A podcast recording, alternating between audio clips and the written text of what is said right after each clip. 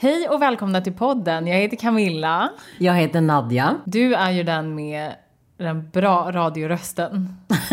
Nej men det vet vi ju. Det vet vi ju. Men lugnare nu. Ja, mm, Med den okej. raspiga, basiga rösten. Den här äh, resa. Ja. Resa? You haven't done this in a while. No, I haven't. Hesa. Hesa rösten och jag har snäppet gällare.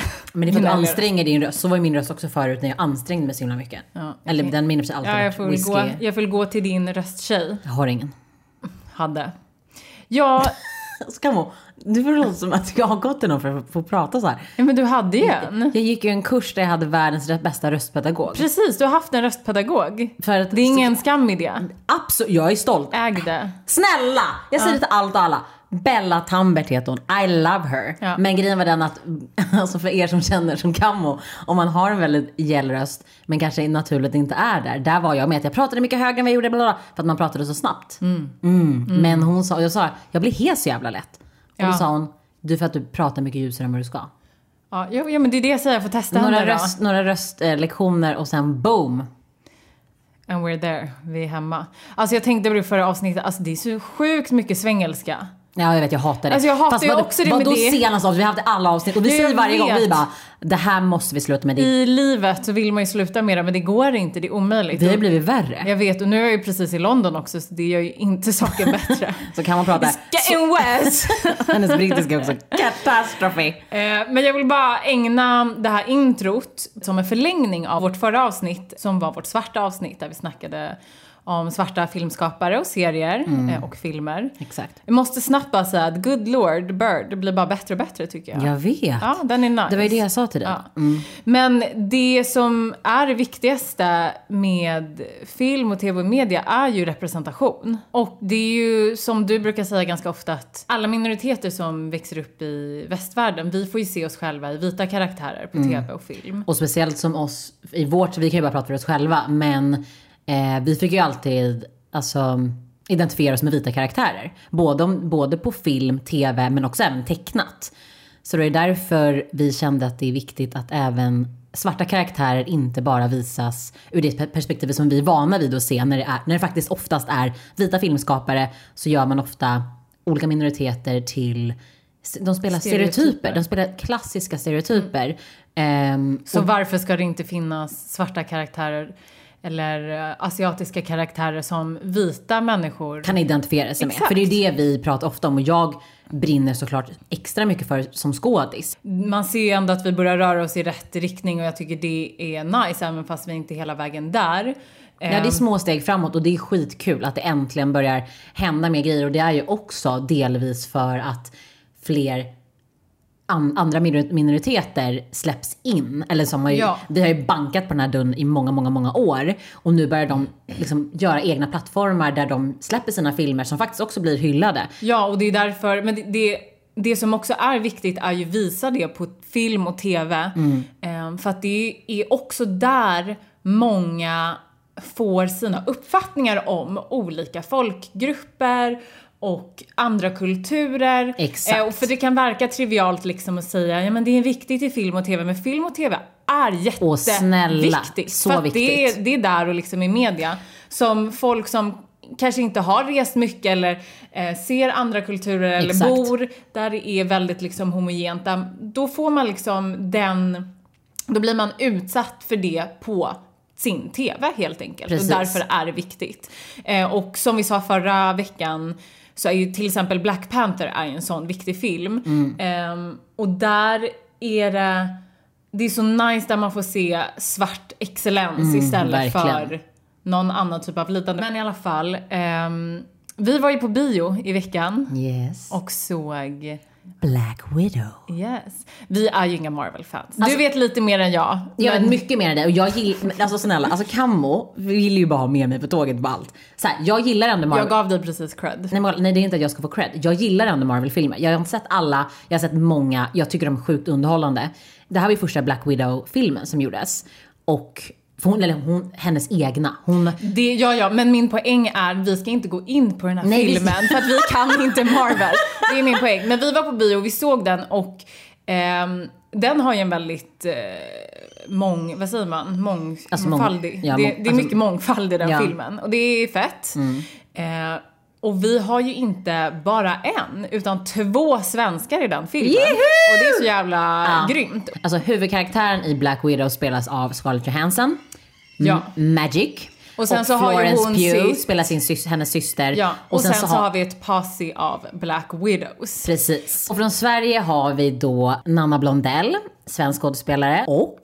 Och Fatou Ba. Så En- jävla kul! så kul! Det är en av mina väldigt nära kompisar. Ja. Och det är så sjukt fett att se henne på... Nej men alltså det var Den så stora skärmen. Nej men alltså det var så jävla kul att se henne. Men det var också så jävla kul att se eh, Nanna Blondell och de var så fucking badass. Alltså, så både snygga. Nanna, både Fatou, de var assnygga. Det var ju det jag sa efter jag bara, alltså den här filmen var ju inte den bästa filmen. Men den var superunderhållande. Första halvtimmen, alltså vi dog Oh, ju. ja, in, alltså den var riktigt bra. Introt För någon som inte kan Marvel så var den otroligt bra. Jag gillade den. Och du, när eh, Nir- Nirvana-covern kom. Nej, men- Alltså det var så bra. men det var alltså, väldigt, uh, uff, då blev man indragen. Nej men alltså oh my god, så jävla bra. Ehm, och efter så, så liksom snackade vi såklart om filmen, bla bla bla bla. Men alltså Nanna Blondell och Fato var alltså fire. Alltså Ja. på riktigt fire. Så fucking snygga. Och det är inte det är därför man kollar på film. Men de var verkligen så bra, så snygga, så coola. Och jag bara, alltså vi som svarta Badass. liksom sisters var ju bara så här. Snap snap. Alltså Ja. man var så jävla stolt. Ja, och ja, men de båda gjorde så bra jobb. Och det är så coolt att se 100%. två svenskar i en så stor film. Verkligen. Skitkul. Very proud, very proud. Very proud moment. Nej men det var skitkul. Ja, Då blir där man kommer svengelskan. Pepp på livet ni att vi är. ja, verkligen. Men ehm, det, det var en liten sidetrack. Precis, vi reviewade Det inte, inte det- alls, vi sa inte ens vad den handlade om. Men skitsamma. Den var underhållande. Det var liksom Ja, väldigt bra action. Alltså jag älskar liksom en bra actionrulle. Nej du gör inte det för du är skittråkig. Men eh, nej den var bra. Mm. Men hörni, välkomna till podden. Välkomna till Hallids Watchlist.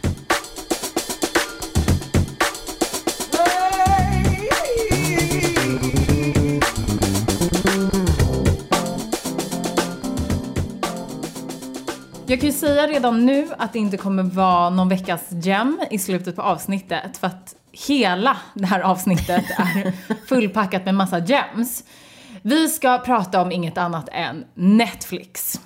Det är ju tjänsten vi älskar och hatar samtidigt. Absolut. Herregud. Alltså på grund av Netflix då har ju vi de här nya tv-vanorna där man bänkar en hel serie ju Mm. på typ en sittning.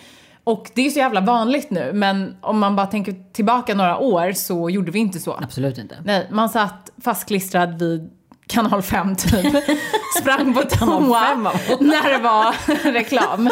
Nej men till och med när streaming började komma så var det fortfarande att man väntade vecka till vecka. Men det är ju Mm. Netflix som började med den här grejen av att släppa hela säsonger. Absolut. Och det var ju revolutionary. Mm. Eh, nej men det, det, det har ju skapat små tv-monster i oss. Alltså man är ju aldrig nöjd längre. Mm. Alltså verkligen. Men det, men det är också så här för att Netflix har ju verkligen levererat ibland.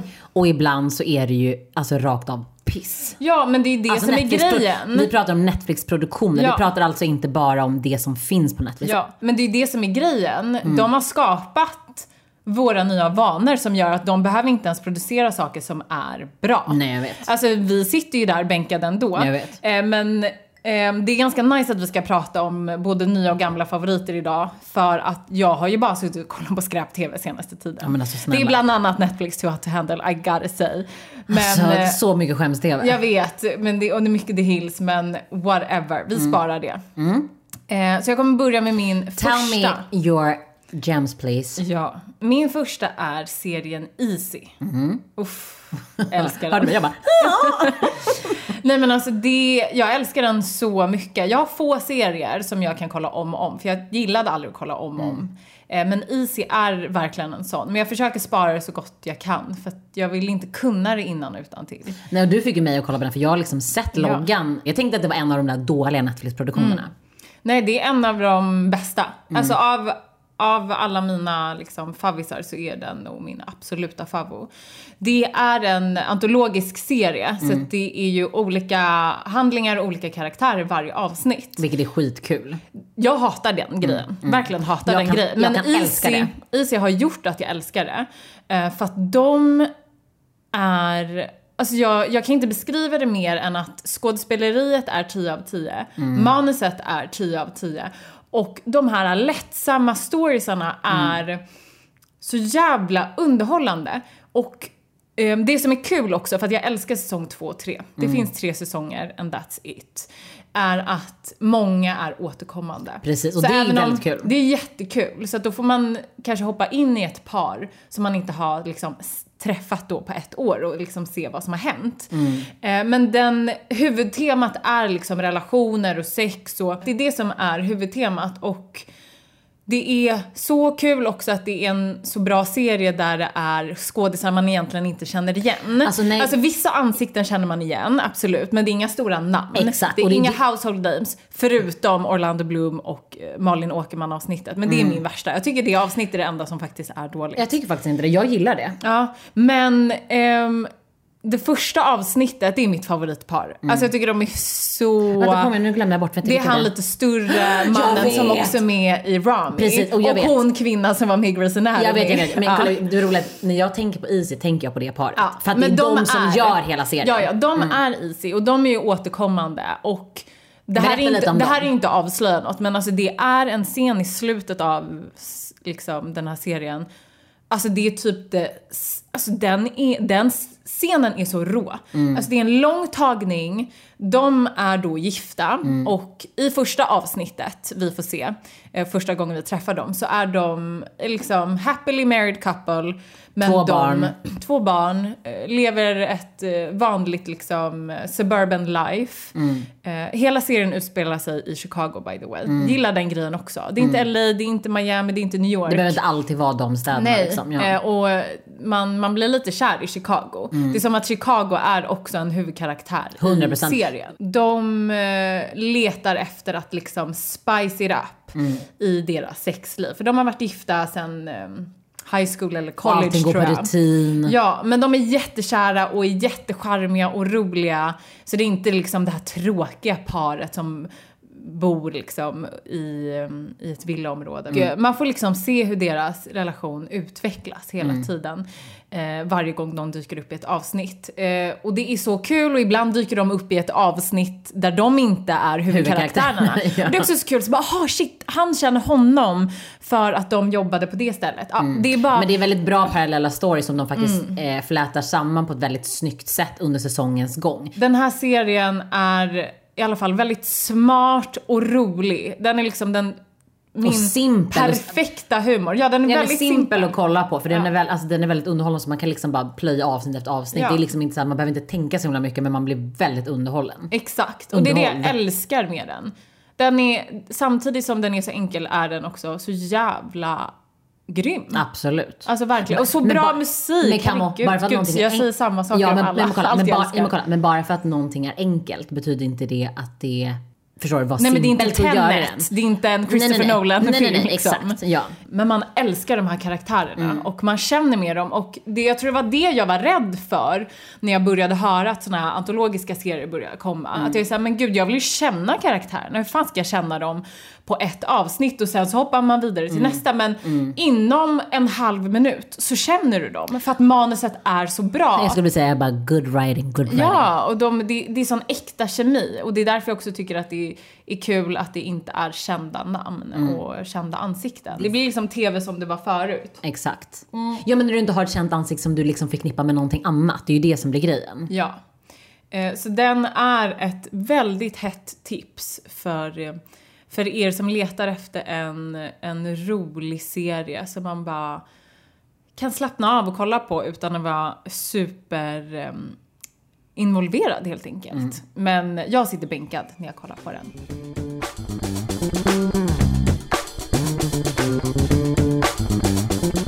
Mitt nästa tips är Master of None.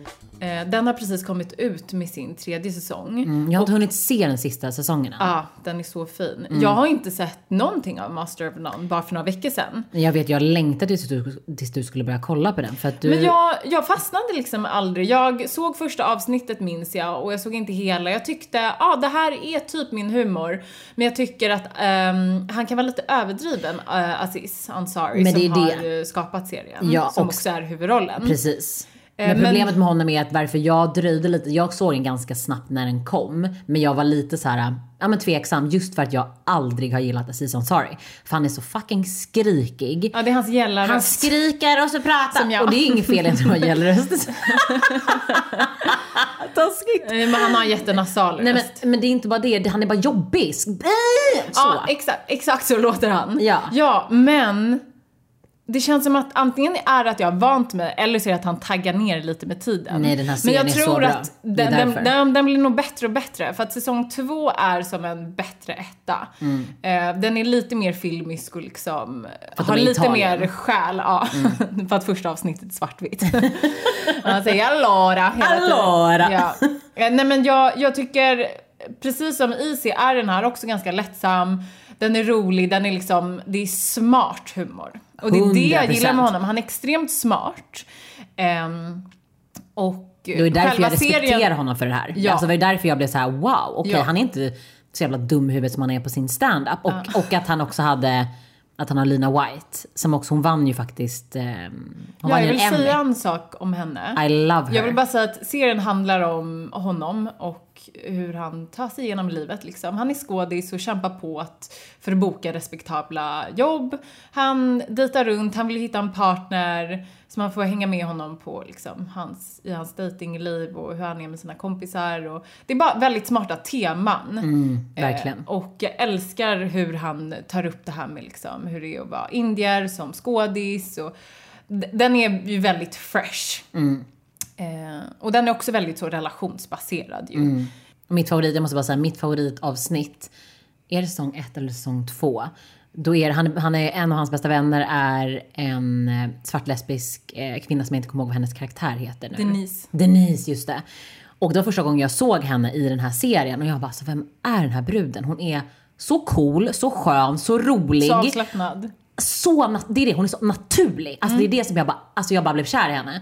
Ehm, och då var, då fin, det finns ett avsnitt som blir liksom ur hennes perspektiv. Ett helt avsnitt med henne från hennes barndom till att hon Ja, ja, blir vuxen. Ja. Den är fin. Det är Thanksgiving-avsnittet Precis, va? Thanksgiving-avsnittet. Den är jävligt och bra. Det, alltså det avsnittet från, hela, för all, från alla säsonger, nu har inte jag sett den sista, senaste säsongen, vil- vilket jag vet eh, är kring Bara henne. henne, Vet, kring kring henne den. Mm. och hennes relation, jag vet det. Så att jag kommer verkligen se den.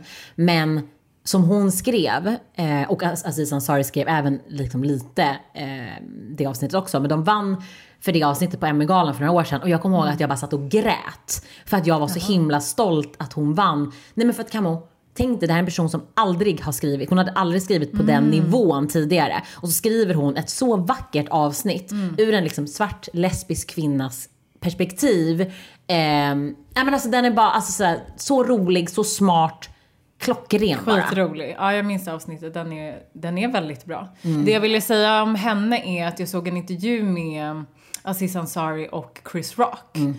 Och då frågade han eh, Aziz om han kände Lina innan. Mm. Och han bara nej, nej, nej. Alltså vikten av casting. Mm, alltså, 100%. då är det en jättekänd casting director som Mm. Aziz eh, känner eller som han kanske lärde känna inför den här serien. Mm. Han bara, hon är så grym. Det var hon som sa, jag vill presentera dig för en tjej. Jag tror att ni kommer komma överens. Och det var på den vägen hon fick jobbet. Mm. Jag vet. Och Chris bara, aha, jag trodde typ att ni var vänner sen barndomen. Precis det här som i är, serien. Att, så här, det här är din konstiga kompis som du castar för den här serien. Nej, men bara för att han tycker Ja. att deras em, kemi är så äkta. Jag vet. Jag håller verkligen, verkligen med. Jag trodde också Mm. att det var så här, det här är någon han känner som han har typ gått teaterskola med Jag eller något vet. sånt. Och jag tycker det bara, det är så Men är, coolt. alltså när man, när man gör fucking jobbet och castar rätt. Boom! Ja, alltså det gör så mycket. Det gör verkligen så mycket. Eh, men sista säsongen är ju i och bara hennes henne. relation, ja. Ja, och den är, jag tror faktiskt därför jag har fått min obsession ha ett sommarhus. För det utspelar sig typ att hon bor ute på landet med sin, ehm, med sin fru typ. Mm. Eh, och den är extremt filmisk. Det är Mm. Det man bara på långa bilderna, man ser det. tagningar. Eh, det är, den är liksom 4-3 format. Det är alltså inte widescreen. Mm. Eh, den är bara så jävla fin. Det går så långsamt men på Mm. ett äkta sätt. Och det här sa Aziz i den här intervjun med Chris Rock att han det här var ju tanken och han berättade om regissörer som har inspirerat honom till att göra den här sång, säsongen på det här sättet. Men då, då säger han, ja alltså sen i klipprummet när vi testade att klippa var det så här, ah, nu, nu, nu togs jag ur the moment liksom. Nu, inser, nu kollar jag på en film. Men, men istället har han valt att hålla kvar de här långa tagningarna för att man blir indragen i storyn. Det är det är som det att man älskar. är i huset med dem. Och han har verkligen så rätt när han säger det för jag tror det är därför man, man, man, det är därför man gillar det här långsamma tempot bara för att det känns som att man ser någonting på riktigt. Alltså det är inte en dialog eller typ ett bråk som klipps från ansikte till ansikte Nej. utan det är en stilla bild och man får hänga med dem och det är bara dem och det är så coolt och det här huset är inrett så jävla nice. Alltså jag dör. Jag ska spara alla mina pengar jag har till att skaffa ett sånt kan- sommarhus. Alltså, så här, vi har ju sagt att vi ska skaffa ett sommarhus tillsammans och sen har jag också sagt att eller så, hyr vi bara, mig- eller så hyr vi bara olika hus varje år så slipper man ta hand om det under vintern. Nej jag har gett mig tio år Nej, innan jag är 40. Nej men kolla vi kommer ha det. ha. Don't worry baby. Den här serien är lite som att den är tre olika serier liksom, från säsong 1, 2, 3. Men den är väldigt rolig och väldigt eh, äkta. Jag gillar den. Jag gillar den jättemycket. Det var mitt andra tips. Och det leder mig till, åh herregud, hur ska jag ens börja? Det här är ju min obsession. Ja jag vet verkligen. Det här är Formula 1-serien, Drive to Survive. Alla Nej. kanske har sett den, så nu får ni höra mig babbla om den. Men jag ska försöka hålla det kort. Mm.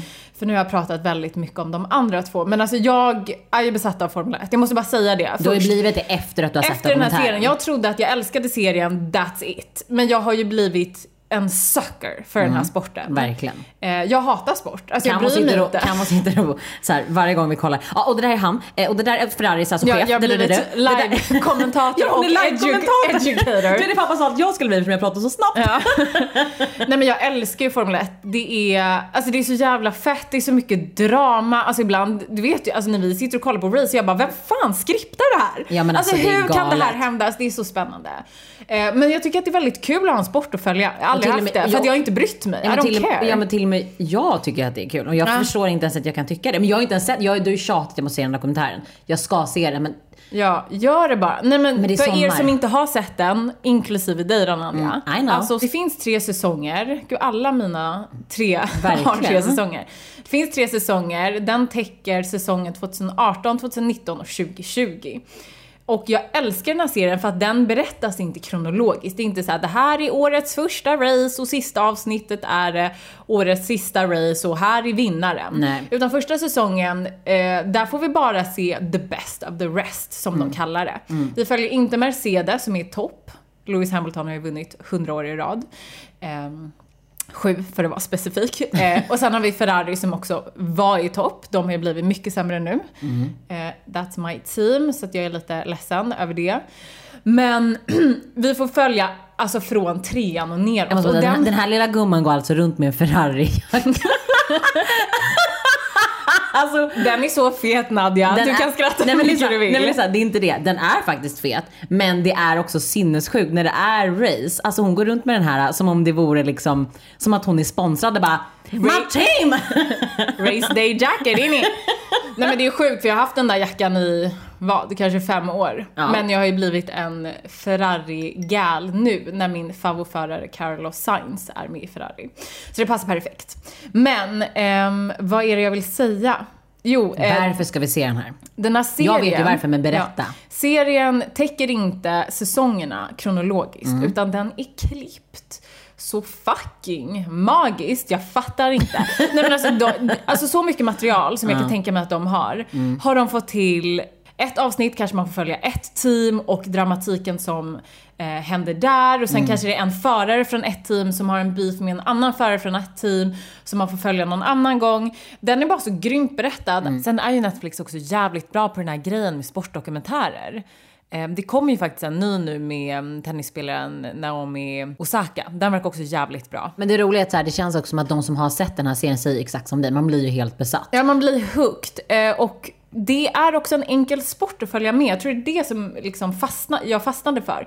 Det är, ehm, oftast är det ju 21 race per år. Det här 2021-säsongen har de lagt till två, så det är 23 race det här året.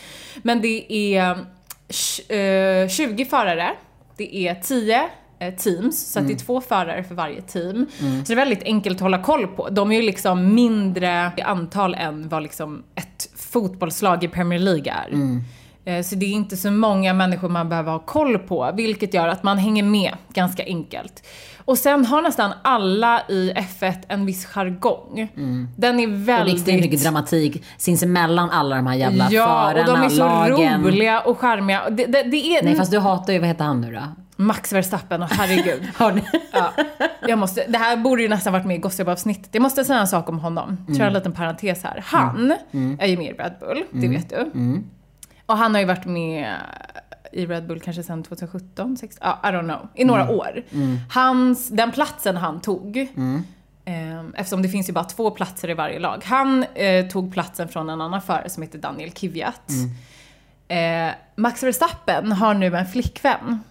Vem Just det, det har är du hon? sagt. Har jag berättat Ja, det? här? du har sagt det. Det är Daniel Kvyats, inte bara ex, utan hans baby mamma. Alltså det är så vidrigt. Han har basically tagit hela hans liv. Grejen är, innan jag ens visste det här, Mm. så såg jag, jag tror det var i Monaco när han vann, så jag att en tjej, någon ettrig liten tjej, springer upp till Max och pussar honom. Men hon pussar honom på hjälmen. Alltså Mm. där hans mun är fast på hjälmen. Jag bara, vad fan är det här för brud? Mm. Alltså jag fattar ju att det är hans tjej. Men jag bara fick en dålig känsla och sen så hörde jag det här och kände, yes, Men jag är en bra people knower. Ja, men grejen, det handlar inte bara om att eh, Verstappen, att du stör dig på honom rent, alltså hans profession. Nej, det handlar ju om att han är ju faktiskt extremt ocharmig. När det går dåligt för Ja. honom så är han ju inte en good sport. Alltså han är ju väldigt vidrig. Medan I andra... taught you well, my mama.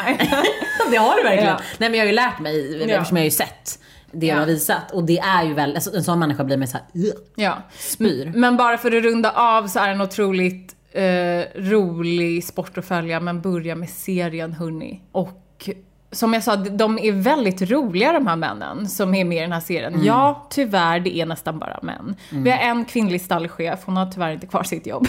Nej. Men, eh, men de är så roliga, jag bryr mig inte. Jag vill bara bli underhållen. Ja. Eh, så Drive to Survive, det är mitt tredje och sista tips. Mm. Alltså jag älskar verkligen den här serien och den här sporten. Och det är inte bara dramat. Alltså det är ju, vilken annan sport är din teammate också din största rival? Alltså det är sjukt. Men jag älskar att lära mig om bilarna och tekniken. Alltså, vem är jag ens?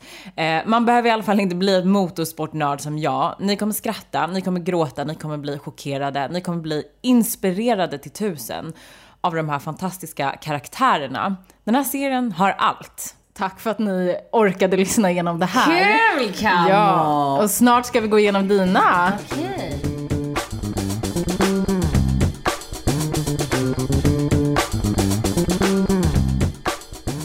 Okej, då börjar jag med en av mina tre gems från Netflix såklart. Jag börjar med Malcolm and Marie.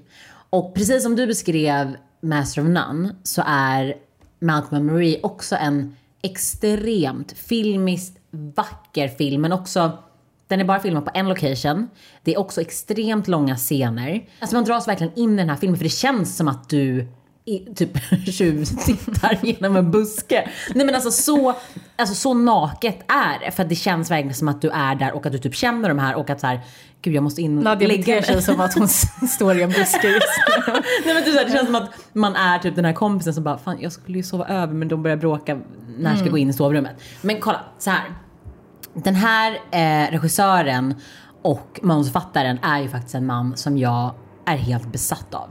Alltså du att du vet ju. säger den här mannen, hans namn, hur Han många heter gånger? Sam Levinson. Fast Ja. jag har faktiskt inte sagt, sagt hans namn i den här podden. Nej, nej, jag har hört hans namn Ja, från okej. din mun så många gånger i mitt liv. Ja, du har hört det. Alltså Sam Levinson, han är regissören som har skrivit och regisserat både den här filmen men också succéserien Euphoria som släpptes på HBO för typ två år sedan.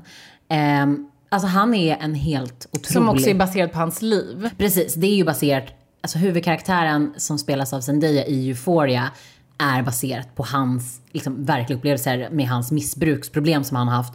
Och det jag tycker är coolt med honom är, han hade alltså egentligen tänkt ha en manlig huvudroll.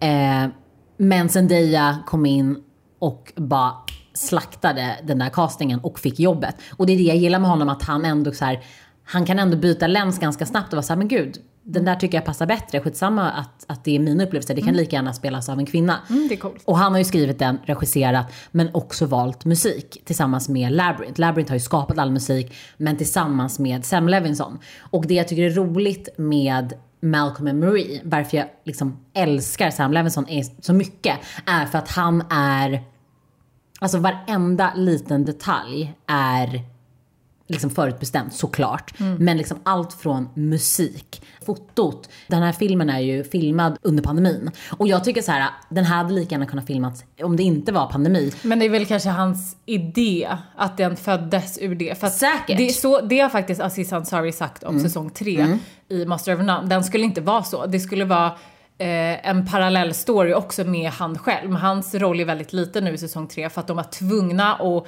liksom coronaanpassa manuset och då var Denise story så ju perfekt för det. Och det var därför det blev huvudsakligen det. Och det har säkert hänt med den här filmen Men också. grejen vad Sam Levinson har sagt är ju också att ehm, det här är ju en film Alltså vissa har ju, den har ju blivit superhyllad men den har också blivit, fått väldigt mycket kritik och det kan vi gå in på senare. Jag vet inte vad den har fått för kritik. jag är lite... Jag kan berätta för dig sen. Jag är lite osäker faktiskt på vad jag känner för Jag kan film. älska, alltså verkligen älska den här känslan man märker att en film är typ adapterad av en pjäs. Eh, men det är väldigt få som lyckas med det.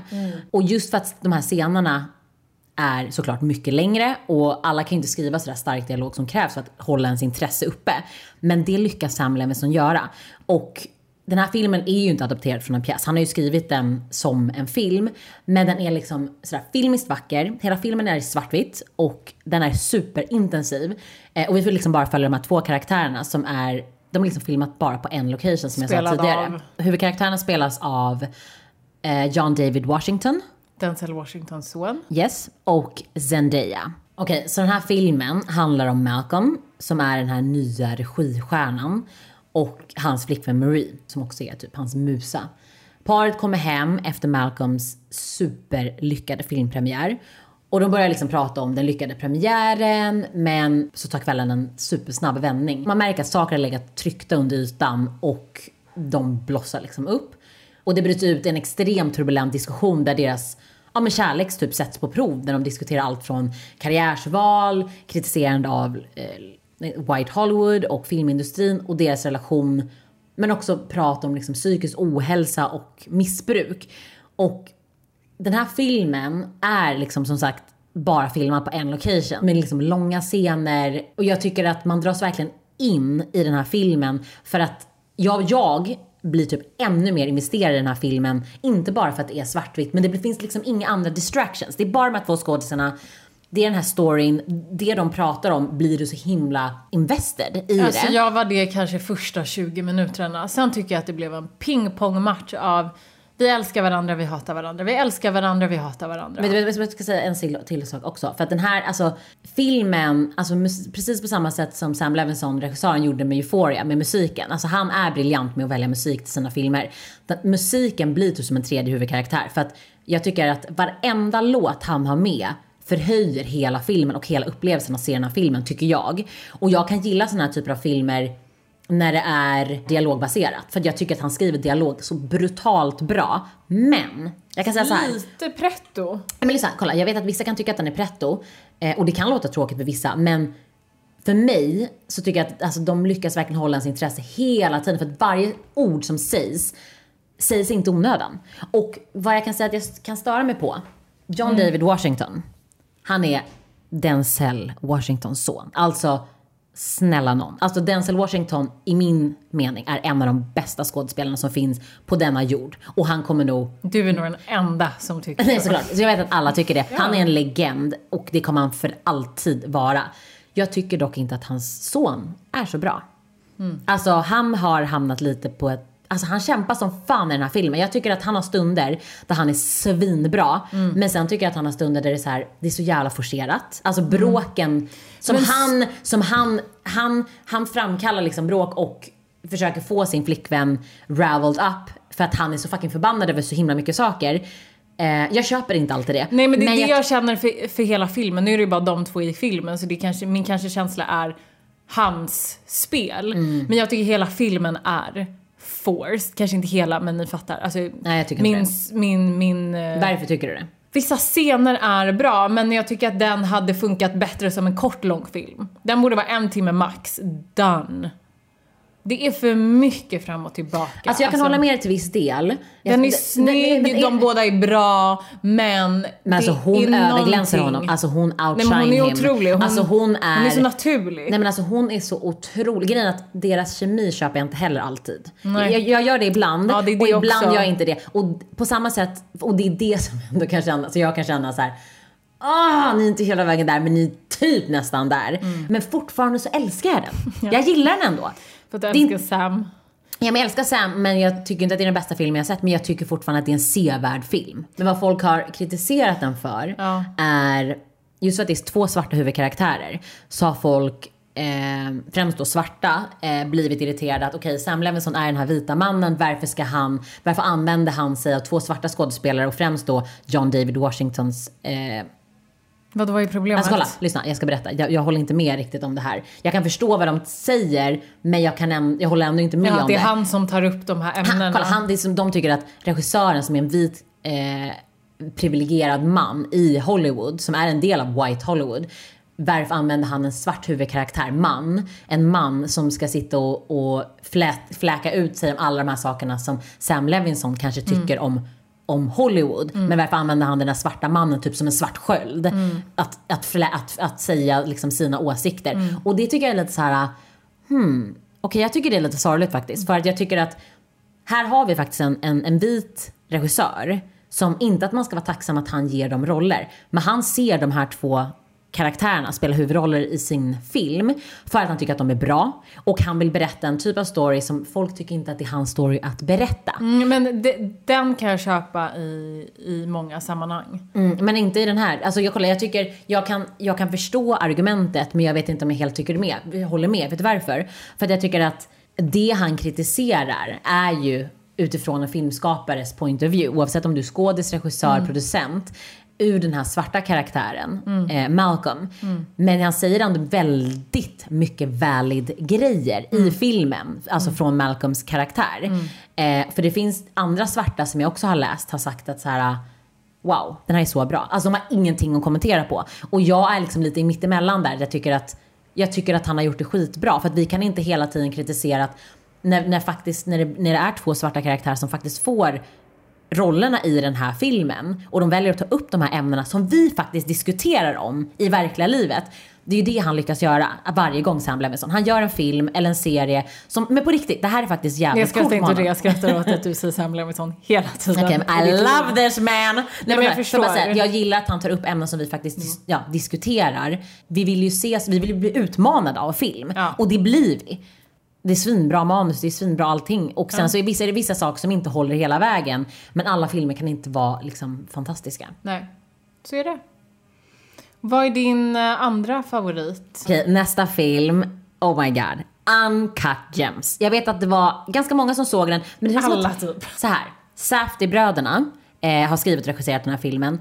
Och på riktigt, alltså de här bröderna är genier. Alltså genier! Alltså jag tycker De verkligen det. är otroligt bra. De är helt brutala för de lyckas, alltså på riktigt så lyckas de alltid göra filmer där man sitter panikslagen, dödsstressad under hela sittningen av deras filmer. Och det är liksom, den här filmen är inte ett undantag. Nej. Nej, och jag tror det var därför, för deras förra film, Good Times, när den kom ut, Den finns också på Netflix. ja, när den kom ut så gillade inte jag den filmen. Eh, den Vilket är, är helt sjukt. Ja, men det var för att jag hade sån ångest av att kolla på den. Jag älskar ju Robert Pattinson, men Mm.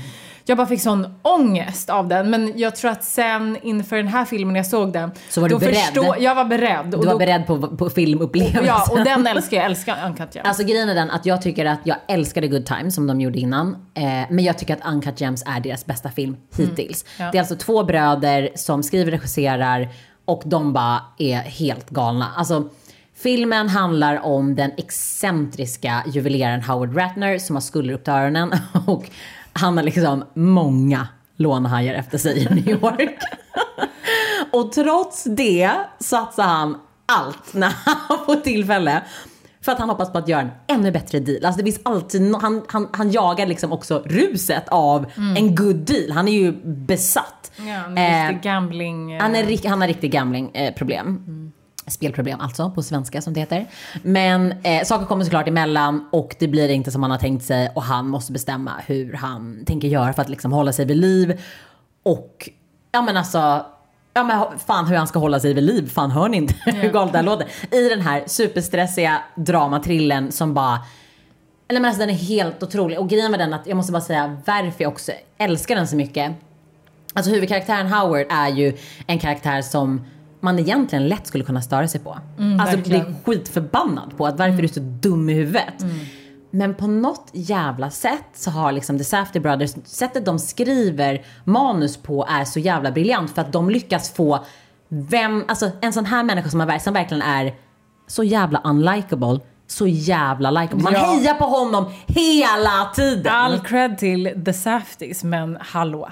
Adam Sandler. Men snälla låt mig komma dit. Ah, okay, alltså, gumman. Alltså kolla gumman. gumman, lyssna nu. Alltså så här. Alltså trots den här dumma huvudkaraktärens fucking val som han gör gång på gång och du sitter där i panikstress och bara nej, alltså kom igen, kom igen, du vet så. Så är det liksom, det här är Adam Sandler som alltså spelar huvudrollen. Han gör sin livsroll. Alltså 100 Typ alltså, direkt efter Happy Gilmore är det här, är det här hans Nej, alltså, bästa. Alltså, det här är, alltså Adam Sandler är brilliant. Alltså det här är hans bästa roll hittills. Han, han alltså, förtjänar så mycket mer cred än vad han får. Men snälla, grejen är den att han fick ju inte, han blev inte ens nominerad. Och jag älskar en sak med Jennifer Aniston. Alltså hon sa, när hon vann. De är ju bästisar typ nej, men alltså, också. Ja de har ju känt varandra i hundra år. Mm. Jag blev så glad när hon vann, vad fan var det, hon vann en whatever, Det måste, Golden Globe. för, det måste varit Nej, men för det var The Morning året. Show. Ja men jag, jag vet att det var för, för hon vann för The Morning Show men jag undrar om det var, skitsamma, det var kanske var Golden Globe, I don't know. Vem bryr sig? Just för att hon vann så jävla mycket så bara ägnade hon sitt tal till Adam Sandler och bara du, du borde fått en nomination för du är briljant i Uncut Gems. Och det tycker jag var så jävla fint för att han förtjänade det. Jag förstår inte varför han glömdes bort. För att han var helt galen. Men jag gillar också att de olika karaktärerna pratar i mun på varandra. För det bidrar liksom till stressen som är i den här filmen. Vad, ursäkta? Ja, ja, ja, nej, jag blev stressad. Det hängde med. Ja, hon nickar på huvudet och jag bara... Nej men alltså det är ändå väldigt ovanligt i film och tv att folk får prata över varandra för att folk vill ju kunna klippa emellan scenerna. Och det tycker jag bidrar till att det känns nästan som att improvisera. Att man, alltså, därför blir man så himla stressad för att man blir så här, men gud, men gud alltså, vad händer nu? Och Nu kom den in och nu börjar de skrika. Och, och det är det som är liksom det geniala med Safdie Brothers. Allting är liksom manus, men de får det att kännas ibland som att det är improviserat. Och det är bästa betyget. Ja, nej, men det, de är skitcoola. Men nu tror jag att vi får eh, gå vidare Wrap it till... up, wrap it up! Okej, min Gå vidare sista. till din tredje och sista. Nästa Netflix-produktion är Call My Agent. Vilket är, det är en fransk komedi som faktiskt, jag googlade på den nu idag, så jävla roligt. Eh, och, då, och då har Vogue beskrivit den som Call My Agent is the best net Netflix show you're probably not watching. Och det roliga är att jag började kolla på den här när den släpptes typ 2015. Jag kanske såg den typ något halvår efter. Och jag fick höra den av min, eh, om den av min svärmor. Var så här, har du sett den här? Jag bara, nej, vad är det för någonting? Jag har inte hört talas om det. Såg den och bara, alltså fan vilken charmig, härlig, rolig fransk serie. Och jag älskar också så här, franska filmer. Vissa kan ju vara väldigt pretto och bla bla bla och de kan vara jättefantastiska. Det här är inte en sån. Den är väldigt rolig, lättsam. Ehm, den, och den heter, franska heter den 10%. Och serien kretsar kring den prestigefyllda skådespelaragenturen Ask i Paris och dess personal och det Ja men de här skådespelarna, klienterna som agenterna kämpar extremt hårt för att behålla och hålla nöjd, alltså de liksom kämpar för att hålla dem nöjda efter en kris som uppkommer i början av serien. Ehm, Varför ska man se den här serien då? För jag har inte sett den. nej och du, det är det, du kommer gilla den just för att den är härlig. Eh, Jag gillar alla parallella stories, den är väldigt lättsam. Men jag gillar också alla att de, de bjussande franska superkändisarna som faktiskt är med i varje avsnitt. Så det känns verkligen Riktiga som kändisar. riktiga Ja. kändisar. Alltså så här, riktiga superskådisar, superregissörer som är en del av eh, klienterna på den här agenturen. Och de spelar ganska banala roller ibland, vilket är väldigt kul. Fransmännen är så jävla grymma på att bjussa på sig själva. Det är bara liksom en väldigt rolig serie. Det börjar med att det är en tjej som flyttar till Paris för att hon vill få bättre kontakt med sin pappa. Han jobbar på den här äh, agenturen. Och liksom massa saker unravels under den här serien. Det- Den är, det går inte att förklara väldigt mycket om serien just för att den, då, be- då, då berättar man för mycket. Ja. Okej, nej men man behöver inte veta hela handlingen. Men du gillar den här serien? Ja, och jag vet att de som jag har tipsat den till har verkligen älskat och uppskattat den och bara fan den är så jävla rolig och charmig. Fransmännen är fucking great. Call my agent. Call my agent.